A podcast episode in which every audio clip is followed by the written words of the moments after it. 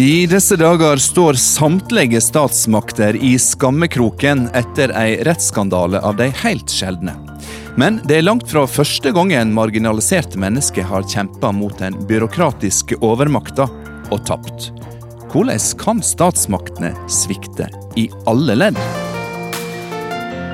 Ja, Velkommen til disse dager på NRK P2, både til deg som hører oss i radioen og eh, i podkast, og til publikum her på Skatten på Tøyen torg.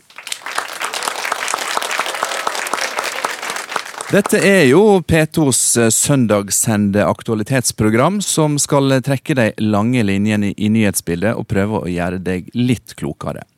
Men jeg skal være den første til å innrømme at det ikke er alt som er like lett å bli klok på. Som eksempel hvordan rettsstaten Norge kan dømme titalls mennesker til fengsel for noe som ikke var et lovbrudd.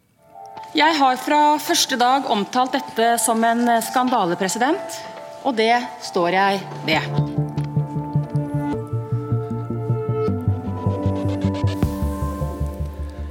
Ja, skandalen er mer eller mindre komplett fordi både Stortinget, regjeringa, her ved Anniken Hauglie, og domstolene har medvirka til en rettsskandale som savner sidestykke her til lands. Også den fjerde statsmakta, nemlig mediene, innrømmer ansvar for de mange justismordene som ikke ble avdekka før.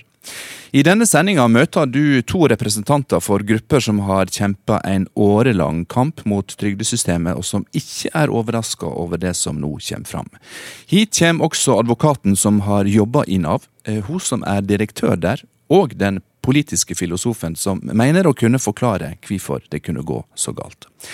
Men først av alt den tidligere blomsterhandleren som ble sperra inne sammen med drapsmenn og voldsdømte, her er Rune Halseth. Velkommen, Rune. Takk, takk. Jeg må begynne å spørre hvordan du har hatt det denne siste veka? Veldig travelt. Det har vært inn og ut av mediehus og oppringninger og intervjuer. Har ikke sett på maken. Nei. Nei. Fordi du har jo, siden journalister for eh, ei tid siden fant navnet ditt i domspapirer, så har du blitt en eh, skal vi si en frontfigur for eh, denne skandalen sine offer. Hva er budskapen din når du eh, står der i medielyset? Budskapen er vel egentlig å få fram alt sammen. At man også skal, ikke bare meg selv, men alle andre som er ramma inn i denne bobla, som vi nesten kaller det. At vi sitter i en boble. Og jeg venter også på at uh, de nå skal ta vare på alle sammen. Og da måtte jo en eller annen stikke nesa ut. Etter mye om og men så valgte jeg faktisk å gjøre det. Ja. Noe som har vist seg ettertid at jeg føler at egentlig det var veldig, veldig godt. Ja, Hvorfor det? Fordi at da fikk du på en måte um, både snakket for deg, du fikk uh, lagt fram saken og fått i et litt bredere lys. Og kanskje få bort noe av det stempelet som du fortsatt går rundt og bærer på at du var en uh, stor kjeltring. Ja, fordi det er jo litt spesielt her at du, uh, med den rolla som du har fått, da, representerer en, en gruppe mennesker som samfunnet inntil nylig så på som både snyltere og svindlere, men som nå er offer for det en kan kalle justismord. Hvordan mener du at denne skaden skal kunne rettes opp? Jeg vet ikke hvordan de i hele tatt skal kunne greie å rette den opp. Ja, for det, nå har de jo skapt så tillitsbrudd i hele samfunnet. Og nå, etter det jeg har hørt, nå har jeg fått masse, masse meldinger fra Jeg kjenner jo ikke kanskje to stykker eller noe sånt av alle de 400 som har skrevet inn. Du rekker jo ikke å lese alle engang. De ringer, de hilser på deg på gaten, de forteller. Og når jeg sitter og leser i stykkevis noen av historiene, så tenker jeg med meg selv at ja, det er sånn de holder på. Og Nav på meg, etter alt dette her, virker nesten som om det er en eh, egen rettsstat inni rettsstaten. Og det syns jeg er veldig skummelt. At de sitter nesten og bestemmer eh, hele tiden hvordan ting Det skal være sånn. Du har ikke så mye valg. Du er svak fra før av som de fleste mennesker som trenger en ytelse er, de kanskje ikke tør å si egentlig hva de egentlig mener. For det de egentlig mener, det er da etter Nav sitt syn, har jeg hatt inntrykk av opp gjennom årene nå, for jeg har jo vært gjennom denne mølja, da er det allerede feil. For du skal ikke mene det.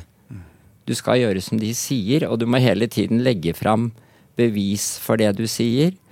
Og hvis du da har veldig store problemer, mange av disse menneskene de kan jo ikke engang snakke med naboen sin. Hvordan i all verden skal de kunne få lagt fram historien sin på et godt grunnlag? Rune, eh, mange har jo fått med seg eh, de historie og de sak, men eh, kort oppsummert så ble altså du dømt for svindel av om lag 380 000 kroner som du hadde fått i arbeidsavklaringspenger. På et tidspunkt da du bodde i Danmark. Prøvde du å lure systemet? Nei, det gjorde jeg absolutt ikke. Jeg hadde en stor sak i 2007 i, på privatbasis med brann og alt sånt, men det er en helt annen ting. Bør ikke diskutere det her. Men det var liksom bakgrunnen til at alt slo ut.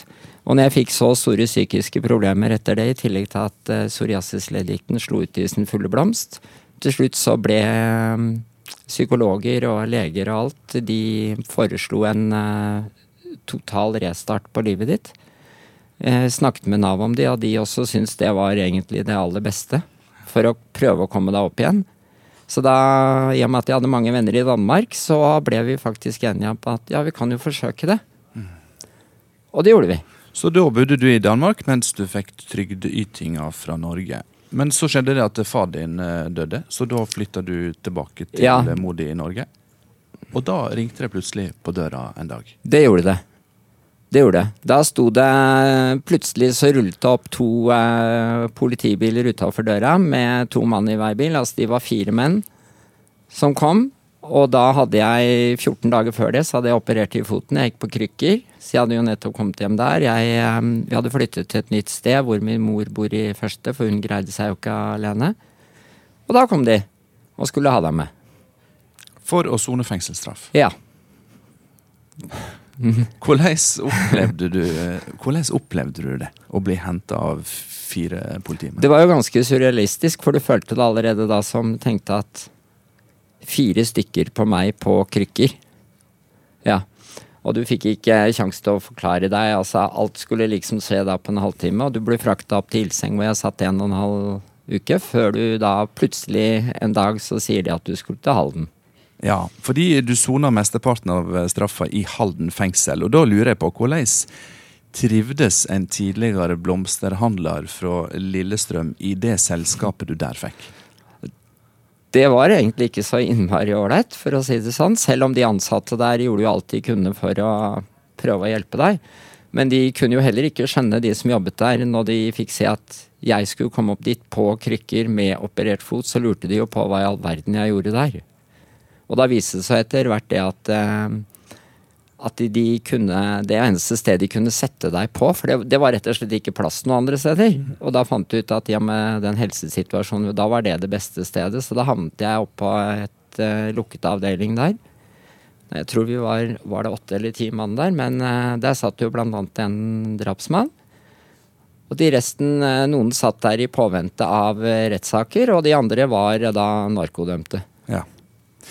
Rune, du sier jo at eh, Nav eh, ifølge deg var fullstendig klar over at du bodde i Danmark da du fikk den eh, trygdeytinga. Men så vet vi jo at det er jo en del som har tatt med seg trygda si utenlands i den tru at det var forbudt. Er det formildende i denne skandalen, mener du, at det, det jo er folk i dette sakskomplekset som har tilstått fordi de trodde at de misbrukte systemet? Eh, Jeg fikk også forespørsel under det i politiavhøret om jeg ville tilstå. For da skulle alt bli så mye enklere. Det er sånn de legger det, la det fram. Men som jeg sa, det at jeg, jeg ville ikke tilstå en ting som ikke var min feil. Og da viste det seg jo ettertid at da ble det straks litt mer eh, omfattende, og da følte du deg skikkelig som en kjeltring. Jeg tror jeg satt i et politiavhør i fire og en halv time og forklarte det samme og det samme på nytt og på nytt og på nytt. Og da spurte vi også dette om eh, advokat. Og det sa de jo til meg at jeg kunne ha med en på en måte, men da skulle jeg være fullstendig klar over det, at da måtte hun begynne en gang til, og da ble det enda mer omfattende. Så allerede da så følte du på en måte at um, du blei gjort til en liten mann At du var ikke noe viktig, egentlig. Deg skal vi ta. Rune Halseth, eh, tidligere urettmessig dømt til fem måneder i fengsel for trygdesvindel. Eh, bli bare med oss videre i sendinga. Etter hvert skal vi høre både Nav-direktøren, statsviteren, nordsjødykkeren og avisredaktøren sine forklaringer på hvordan dette kunne ende med ei historisk rettsskandale, med alle statsmaktene som medansvarlig.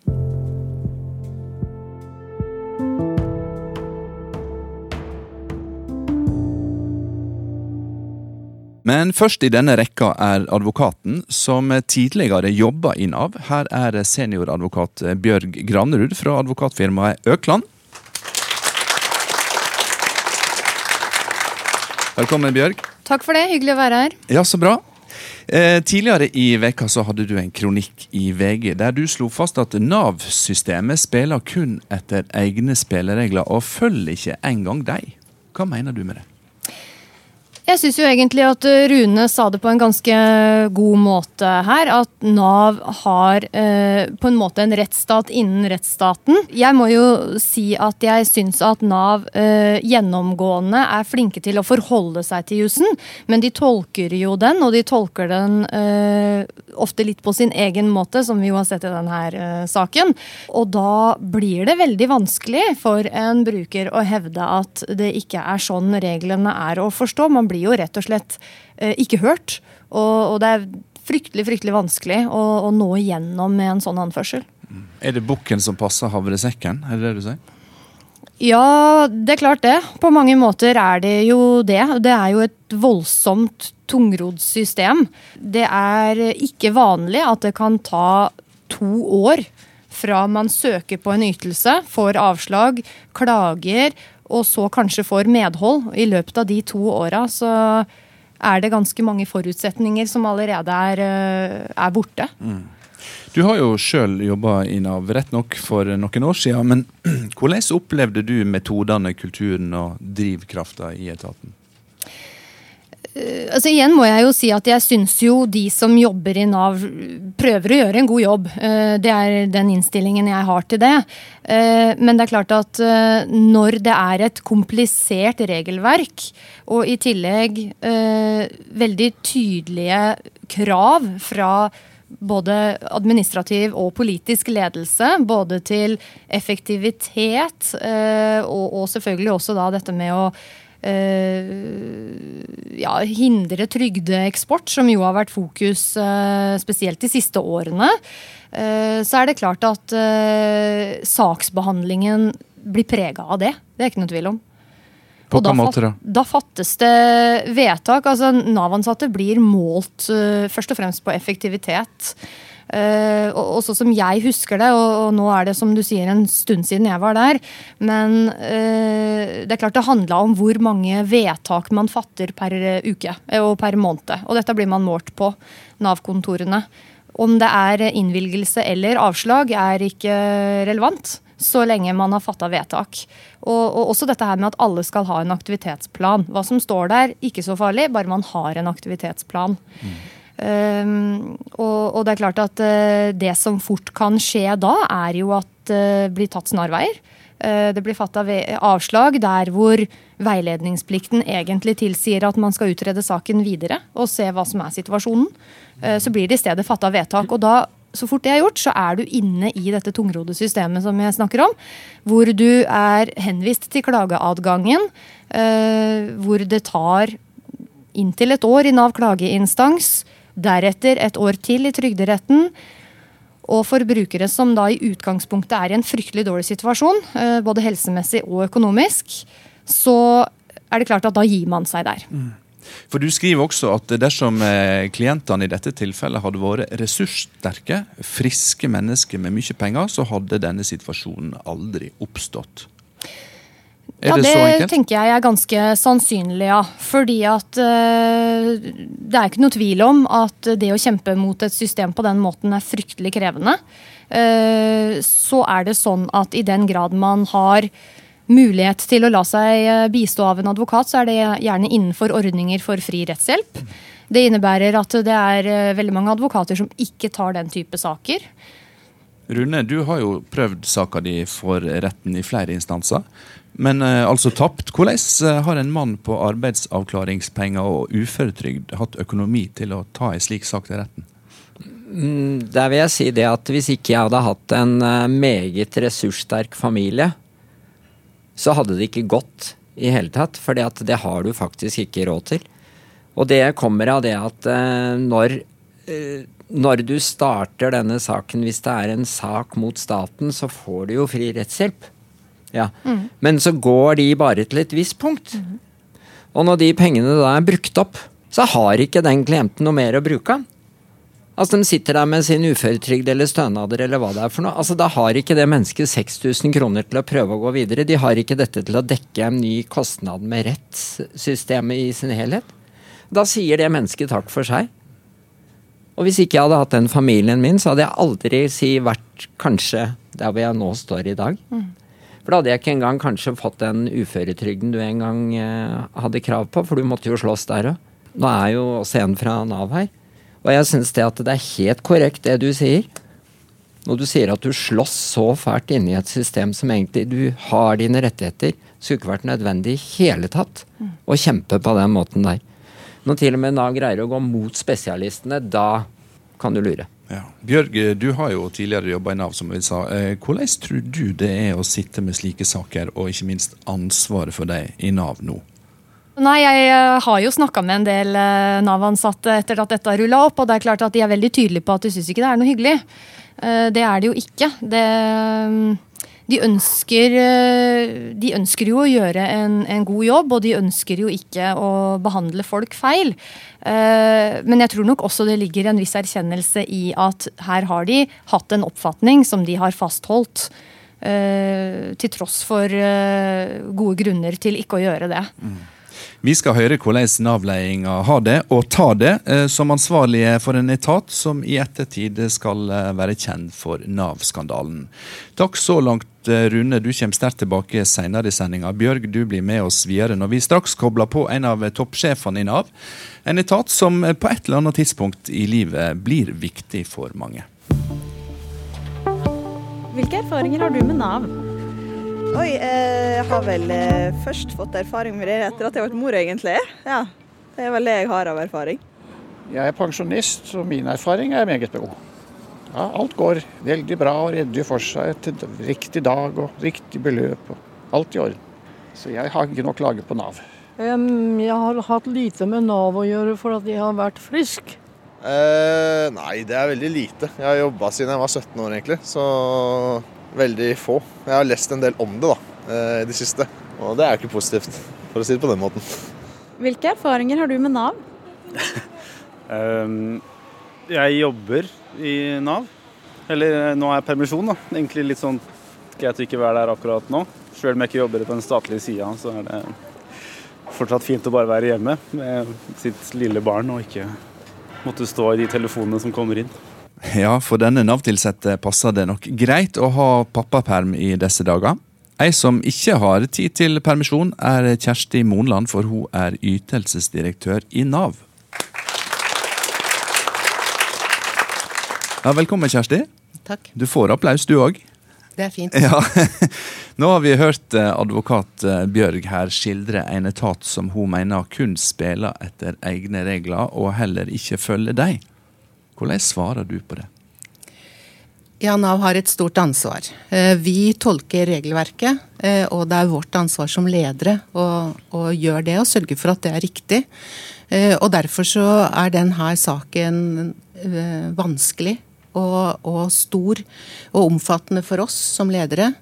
Eh, og det er viktig for meg å si at eh, her er det ikke ansatte i Nav eh, og alle ansatte i Nav som har gjort en feil, det er vi som ledere. Vi må, vi må ta det ansvaret og rydde opp i det her som best vi kan. For mange utafor så er dette nærmest ubegripelig. Kjennes det sånn også for dere på innsida? Når vi ser tilbake, så er, det, så er alt mye enklere. Eh, da kan vi se at vi burde og skulle ha gjort ting annerledes. Eh, helt tilbake til 2012. Eh, det jobber vi for å finne ut av hvordan det her kunne skje. Hva var det som gikk feil i 2012? Og hvorfor har det tatt så lang tid å finne ut av det her? For det er jo bl.a. advokater som har påpeka manglende samsvar mellom det regelverket de har praktisert og de reglene som ligger i EØS-avtalen. Hvorfor har dere ikke tatt de innvendingene til følge? Når vi ser tilbake, nå må vi si at vi har ikke fått gjort fulle gjennomganger.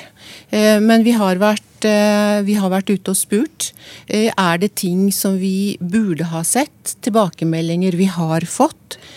Som gjør at vi, at vi har fått varsler på det her.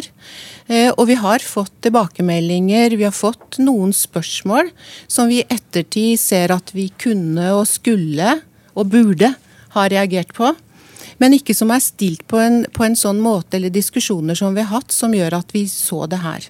Og så er det også slik at regelverket vårt er komplisert, sammensatt. Vi har mye særregler.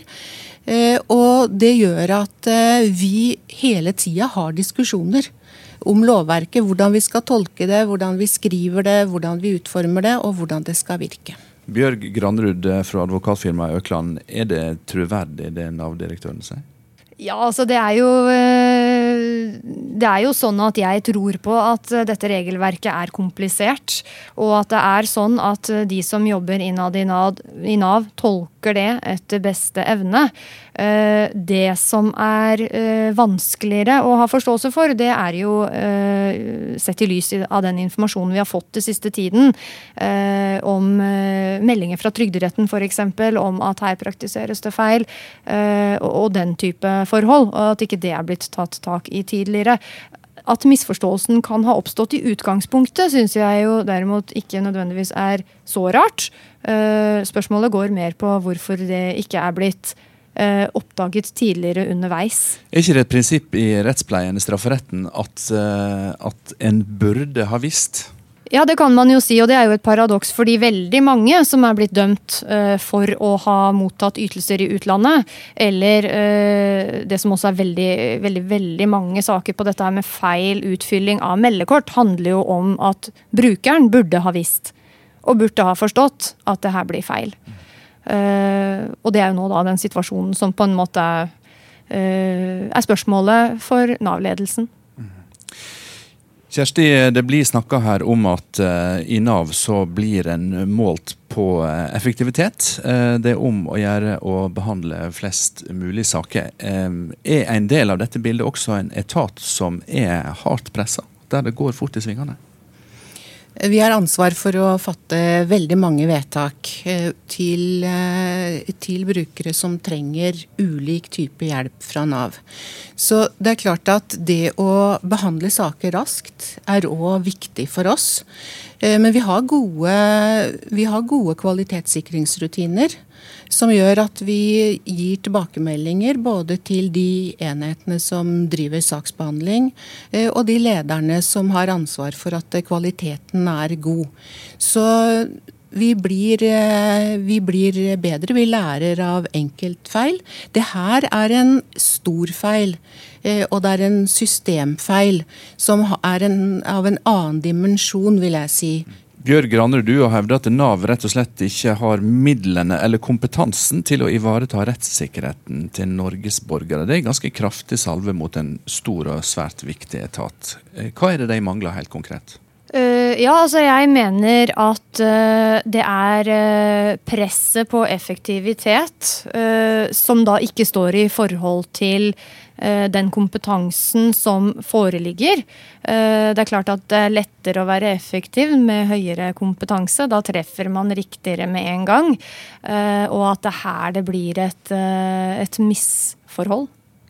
Kjersti Moland, eh, må utfallet av denne skandalen også bli at Nav blir styrka som etat? Vi vil jo nå gå gjennom eh, både det som eh, vår internrevisjon finner ut av, og det som det eksterne granskingsutvalget finner ut av, og se hva årsaken til det her er. Både at det har tatt lang tid, og at, og at vi har gjort den feilen.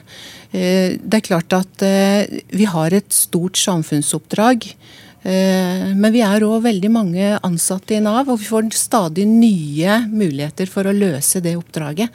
Hva skjer med det samfunnsoppdraget nå i den tida der dere tilsynelatende er veldig opptatt med å nøste i egne feil? Hvordan råker dette kapasiteten til etaten?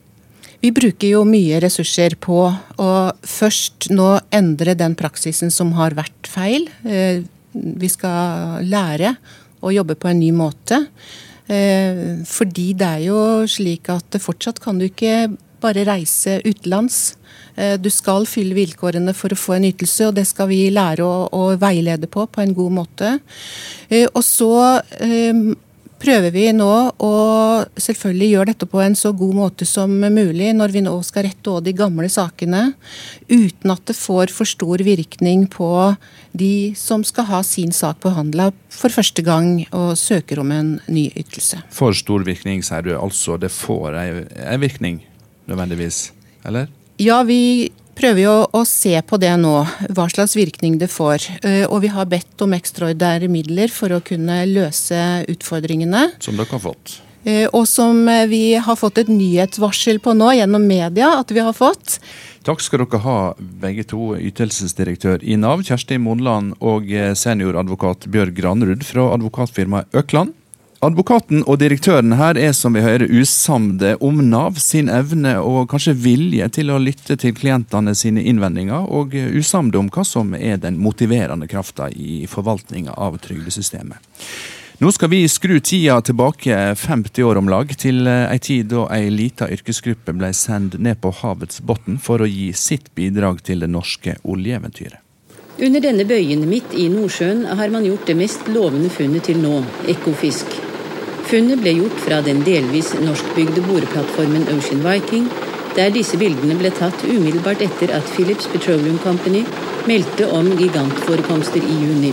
Ennå er ingen produksjonstillatelse gitt, men det regner man med å få like over nyttår. Da kan eventyret, som industriministeren kaller det, for alvor begynne i mars. Og resten er historie, vet vi. Om eh, olje, milliardindustri til havs og om Norges eventyrlige rikdom. Men det er også ei historie om skader, sykdom, nerver, uføretrygd og sjølmord som staten var mindre interessert i. Nordsjødykkerne tapte, men vann. Tannmo godt imot Henning Haug, tidligere nordsjødykker og leder for Offshoredykkerunionen. Ja, Henning. Eh, ta oss tilbake i tid nå. Hvordan var arbeidslivet under Nordsjøens eh, overflate? Det var selvfølgelig et tøft miljø. Det var jo helt nytt. Det hadde aldri vært eh, dykka så djupt i verden før. I Norge var det temmelig ja, veldig nytt. Det var amerikanere og engelskmenn som leda an i starten. Så det er klart at det her var det sånn pionertid der du måtte prøve å Vi prøvde og feile. Ja, det var en pionertid, og oljen skulle opp og pengene skulle på bok. Men HMS-tiltakene på plattformene var eh, færre enn i dag. Hva følger fikk dette for dere som eh, dykka? Nei, det ble jo kort sagt katastrofale følger for oss. For det, tallene i dag viser jo at av pionerdykkerne så er vel 40% døde. Og av de overlevende så er 98 uføretrygda. Det, det, var som du sier, olja og gassen måtte opp. Og det, vi har jo forståelse for den realpolitikken. Men det var skremmende å se hvor uvillig staten var til å ta på seg ansvaret i ettertid. Ja, for hvordan ble du og dine kollegaer møtt da dere banka på hos trygdekontoret, som det het den gang? Nei, vi Det var jo uforstand. Altså, de, de visste ikke noe om dykkemedisin. Mange dykkere sto der uten diagnose. Fordi de hadde Mange hadde hjerneskader. Og, og, der kom det en vitenskapelig avhandling som slo dette fast. Det kom ikke før 2010. Så mange dykkere sto igjen på kaia uten å kunne fungere i hverdagen og skjønte ikke hvorfor. Vi skal snakke mer om den kampen som dere kjempa, Henning, og hvordan det gikk til slutt. Nå skal vi møte en representant for ei anna yrkesgruppe som eh, hadde blitt skada på jobb, men som ikke fikk gehør i møte med trygdesystemet. Minst 10 000 kvinner jobbet som tannlegeassistenter i Norge fra 1960 til 1990. Det de gjorde daglig, vil ingen finne på å gjøre i dag. Altså Hadde jeg visst det jeg vet i dag, så hadde jeg aldri jobba med det. Jeg hadde aldri vært på et sånt kontor engang. Ja, her hørte vi tannlegeassistent eh, Gerd Irene Lyse fortelle om eh, hvordan hun eh, knadde kvikksølv til bruk i amalgamfyllinga på tannlegekontoret. Anne Gry Rønning Aaby, velkommen til disse dager. Du er advokat i Fagforbundet og representerte tannlegeassistentene i deres kamp for å få yrkesskadeerstatning.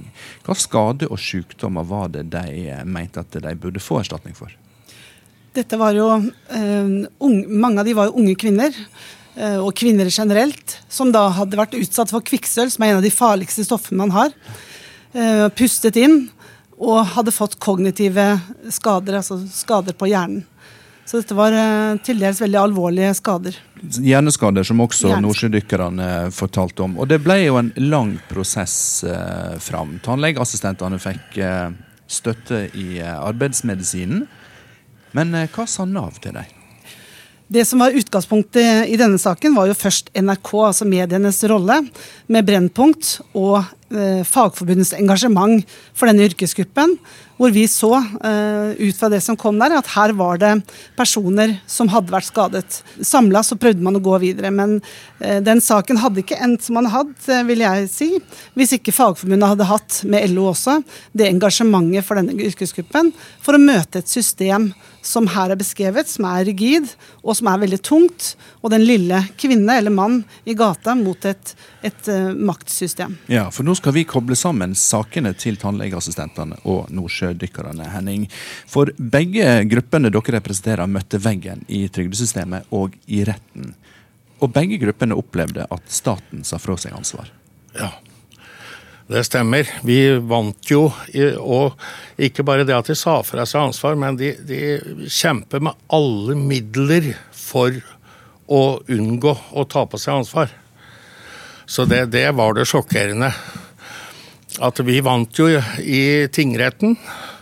Så når saken skulle opp i lagmannsretten, så skar de ned på vitner og tid og sa at hvis vi ikke var villige til å gå med på det, så måtte vi vente enda ett år eller to år før saken kunne komme opp i lagmannsretten. Og vi mista jo folk hele tida. Så vi ville jo helst at mange, så, så, mange som mulig skulle få oppleve en slutt på saken. Så tapte vi i lagmannsretten. Og så kom vi til Høyesterett. Og så, for å dra det kort, så er konklusjonen i Høyesterett det er at staten har ikke nær nok tilknytning til virksomheten, og har derfor ikke noe ansvar. Og Så vant dere fram i eh, Menneskerettsdomstolen i Strasbourg, som førte til at Stortinget til sjuende og sist vedtok en kompensasjonsordning for nordsjødykkerne. Anne Gry, du førte saker i Høyesterett for tannlegeassistentene. Hva endra dommen i Høyesterett for eh, dine klienter?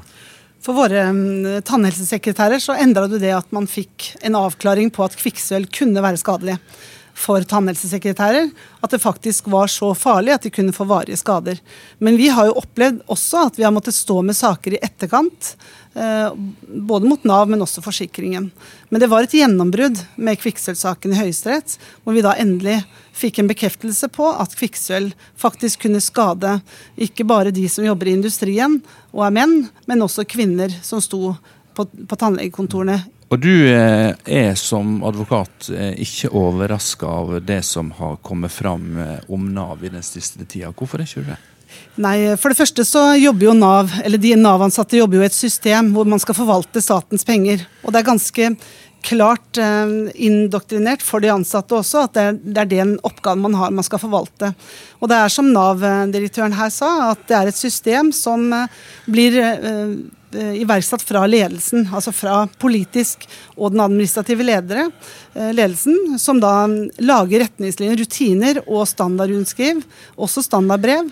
Sånn at når man først har bestemt seg fra et høyere nivå, så blir det tungt for den vanlige å snu på det.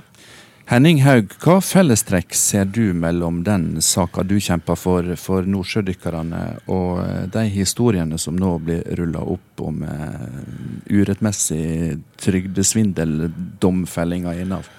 Det er tyngden i, i systemet. Altså, dykkere hadde i utgangspunktet to former for press. Det første var at du ville overleve og tilbake til solskinnet. Så hadde du den andre formen for press at du måtte kunne gjøre jobben. Du hadde ingen du kunne snu deg til og be deg om å hjelpe deg hvis du ikke fikk deg jobben. Så det dobbelte presset var veldig sterkt for mange, og gjorde at de uh, sprakk mentalt. Fikk nerver. Og da kom bolig Nav. Og så ble det det tredje formen for press. Fordi at eh, du må huske på at dykkere var i utgangspunktet over snittet sterke, både fysisk og psykisk. Og plutselig så da ble Da det sto der og ikke fungerte, og ble kjent med et vesen som heter Nav, så var det veldig tungt for mange. Så det var mange som egentlig ga helt opp. Eh, og ja, veldig mange foretok sjølmord. Og det var sånn en kombinasjon av disse tre pressa, egentlig. Henning Haug, tidligere nordsjødykker og leder for Offshore Dykkerunionen. Tusen takk for at du kom til disse dager. Takk også til Anne Gry Rønning Aaby, advokat i Fagforbundet. Det var Stortinget som til sist måtte rydde opp i uretten mot nordsjødykkerne. Og det blir kanskje Stortinget som må rydde opp i den pågående Nav-skandalen, som Stortinget sjøl har en del av ansvaret for. For i denne saka har samtlige statsmakter svikta. Nå tar vi i bruk politisk filosofi når vi spør hvordan var det mulig?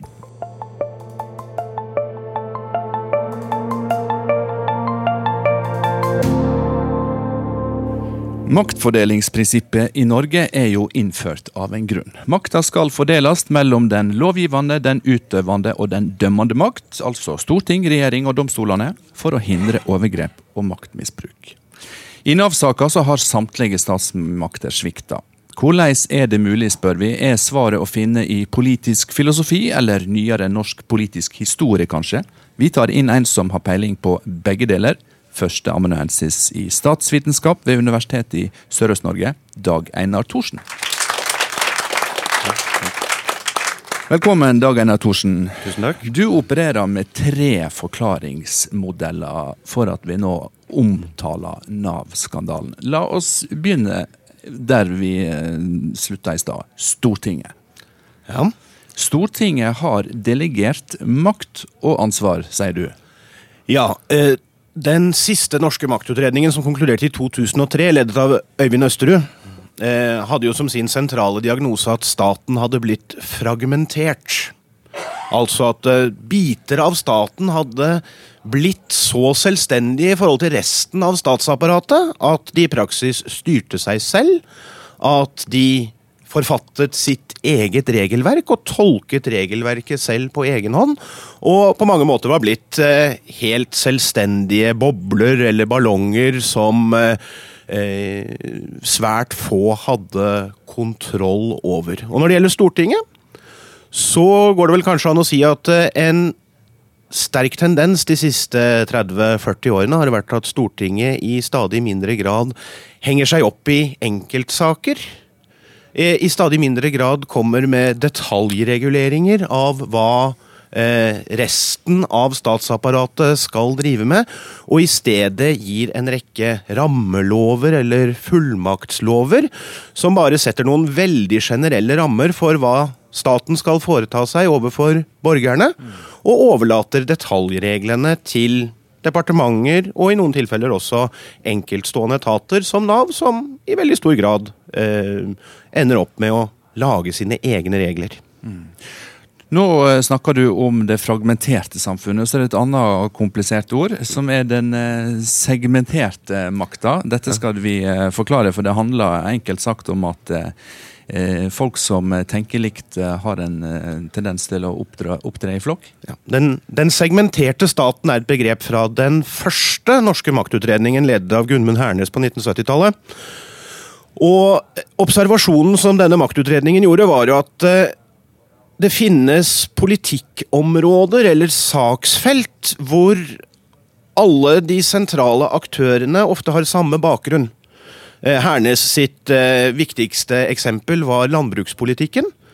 Hvor eh, medlemmene i landbrukskomiteen på Stortinget, byråkratene i Landbruksdepartementet, byråkratene i de ulike fagetatene, men også de ledende representantene for interesseorganisasjonene ofte hadde samme fagbakgrunn, at de var utdannet på daværende Landbrukshøgskolen på Ås.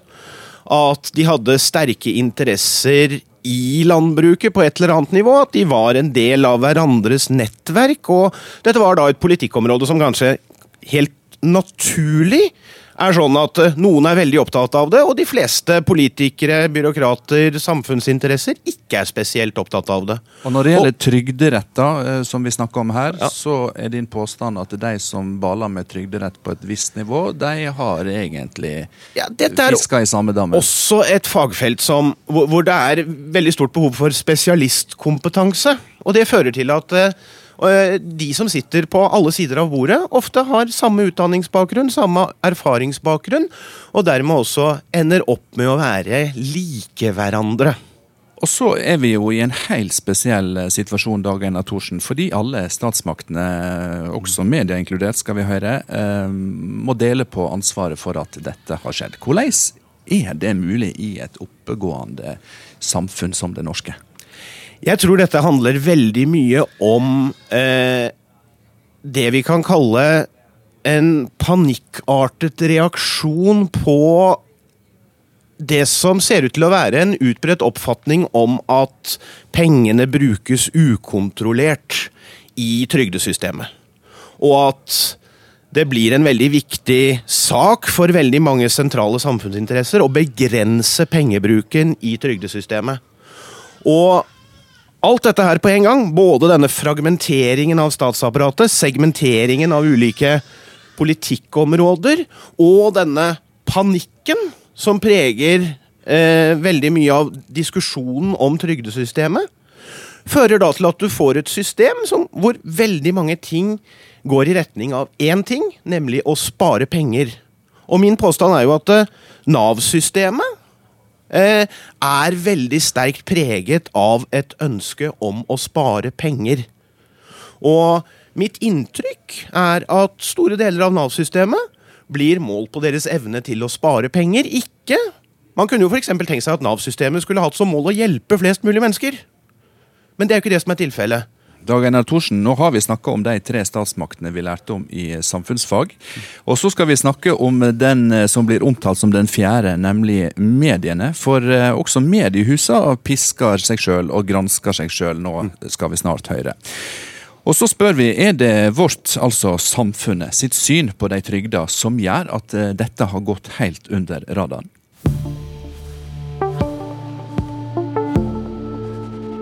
du at folk som eh, får trygd fra Nav, blir stigmatisert i samfunnet?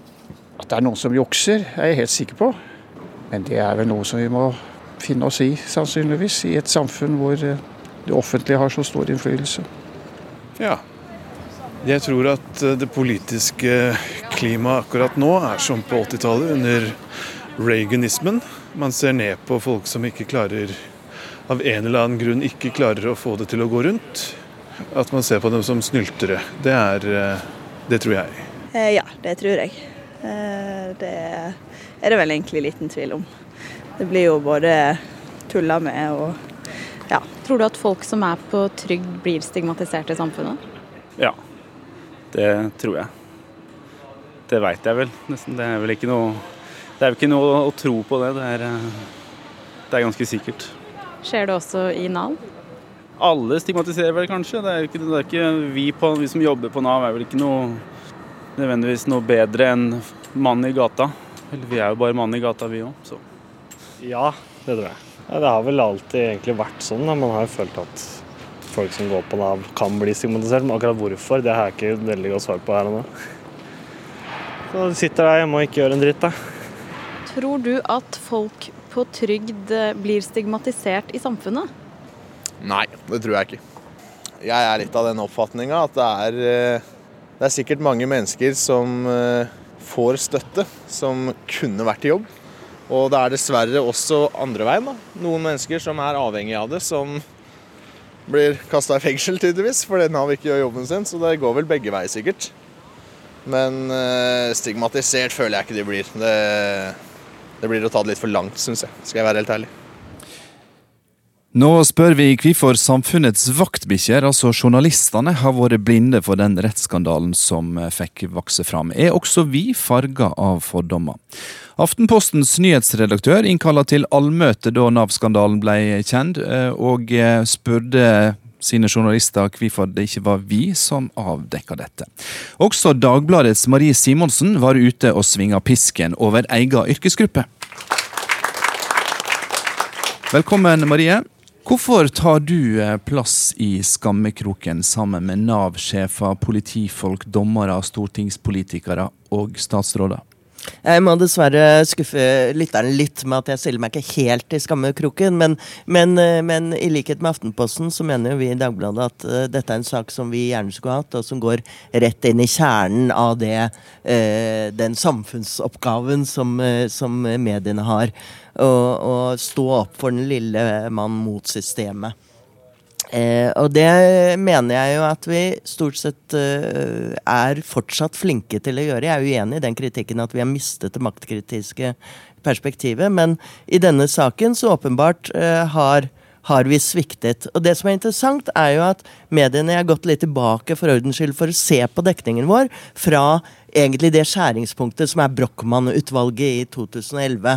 Eh, Forklar det, er du snill. Om, eh, ja, ikke sant, Hvor vi snakket om hvordan vi skulle, vi skulle hindre at eh, innvandring nærmest uh, tok over og ødela velferdsstaten. Og dermed så ble jo fokuset ekstremt mye på innvandring, særlig EØS-innvandring. da, ikke sant? Og jeg ser at vi har stilt mange spørsmål ved det. Og, men vi har jo møtt en vegg, og det er det som er utfordringen, som er en uh, sånn tankevekker ved denne saken. At når så mange deler av uh, maktapparatet svikter, så blir også vi journalister litt stuck. For vi er avhengig av eksperter, vi er avhengig av at forsvarere kommer til oss og sier 'jeg har en klient', som liksom, ikke sant. Uh, og dette hadde vi ikke mye av i denne saken. Her var det eh, lovgiverne, Nav, eh, hele forvaltningen, Trygderetten, eh, domstolene til slutt, påtalemyndighetene og forsvarerne var skjønt enige om at det er sånn man tolker denne. Og jeg har sett til og med at politikere, statsapparatet, eh, folk fra regjeringsapparatet har skrevet harmdirrende innlegg hver gang eh, avisen har stilt spørsmål ved om ikke nettopp EØS-reglene må tolkes annerledes. Så samfunnets eh, vaktbikkjer ga opp i jakta fordi den ekspertisen og de ressurspersonene en vendte seg til, hadde den samme framstillinga av dette? Dette er en forklaring fra min eh, side, og ikke en unnskyldning. Fordi at eh, det fins åpenbart saker hvor vi, hvor vi, likevel har gått på og, og, gjort En av sakene er jo eh, Nordsjødykkerne, som, som Dagbladet har vært sterkt involvert i, og som vi hadde holdt kondis på i mange mange år, til tross for at det, at det ble avvist i alle instanser. Så det fins, og samme uke som, som, denne skandalen sprakk, så vant jo Dagbladet en stor pris for en serie om eh, sosial dumping i Barentshavet. Så den type journalistikk pågår fremdeles, men jeg ser at det som er interessant, er at det har vært en bred enighet i Stortinget og hele det politiske Norge om at dette med trygdeeksport er en stor utfordring. Og jeg ser at det kan ha påvirket også medienes dekning av den. Mm.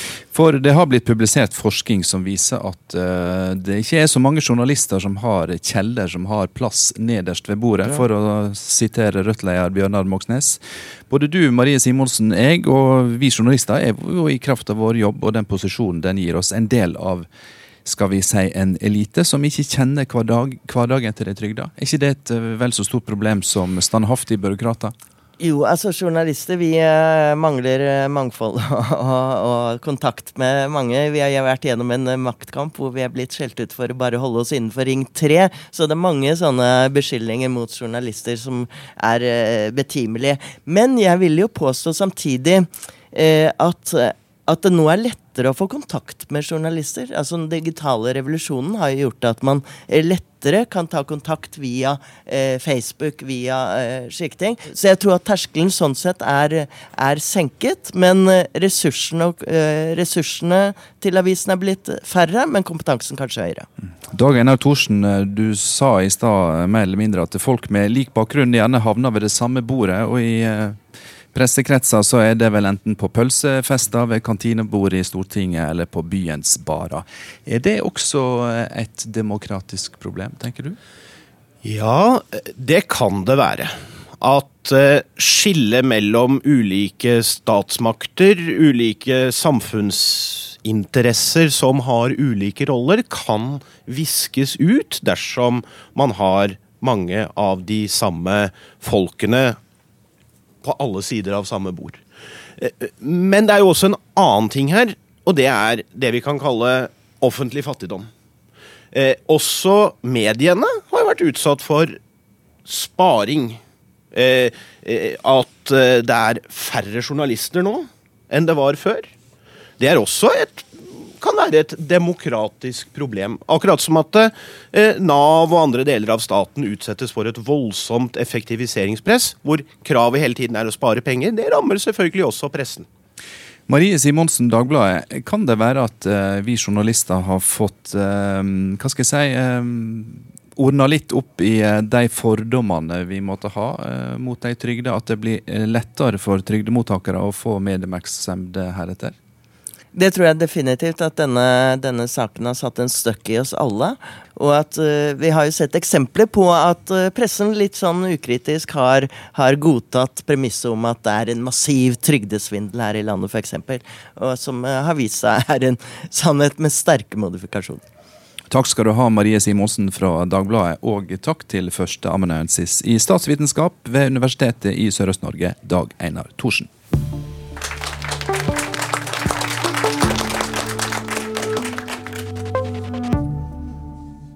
Ja, så er spørsmålet om eh, Nav-skandalen endrer vårt syn, altså samfunnets syn, på de trygda. Nå skal vi slutte sirkelen med den tidligere blomsterhandleren som ble dømt til fem måneders fengsel for en trygdesvindel som ikke var svindel likevel.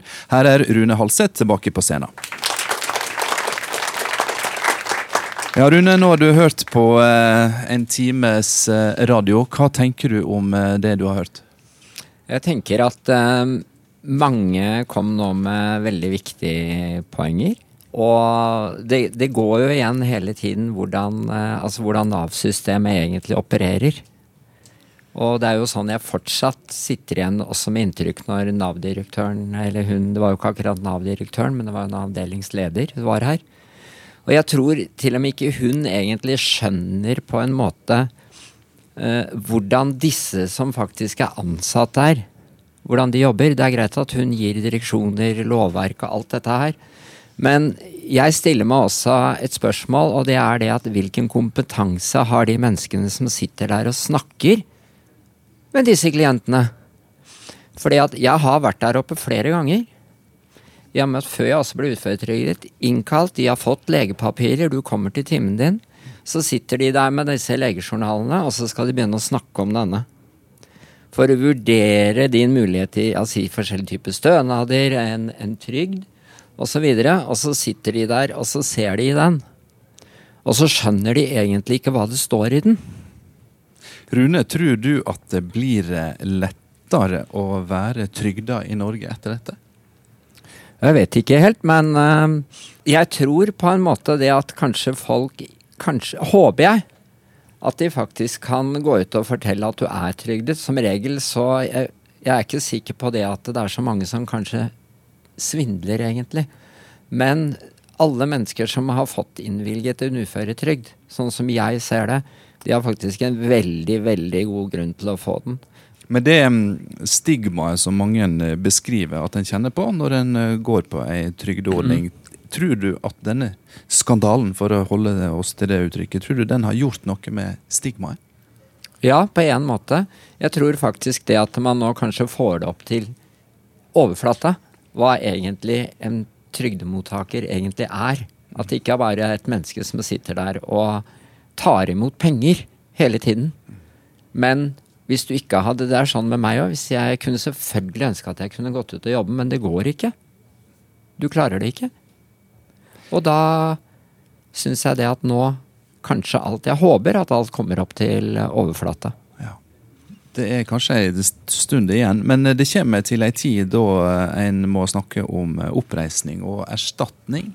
Hva krav har du til den prosessen? Jeg har egentlig Det eneste kravet som jeg vil stille, det er det at det skal gå fort. At, de, at alle vi som nå er inne i denne mølja her nå, som først har glemt hva vi har opplevd, så kommer det opp en gang til. At vi ikke da må gjennomgå akkurat det samme igjen. Så jeg håper det går superfort. At man ikke skal oppleve bl.a. sånn som disse nordsjødykkerne, at du nå må inn og kjempe mot et system en gang til. For det tror jeg vi er ferdig med for lenge siden. Rune Halseth, jeg må si tusen takk for at du kom til disse dager og fortalte hvordan det kjennes å bli urettmessig dømt til fem måneders fengselsstraff for trygdesvindel.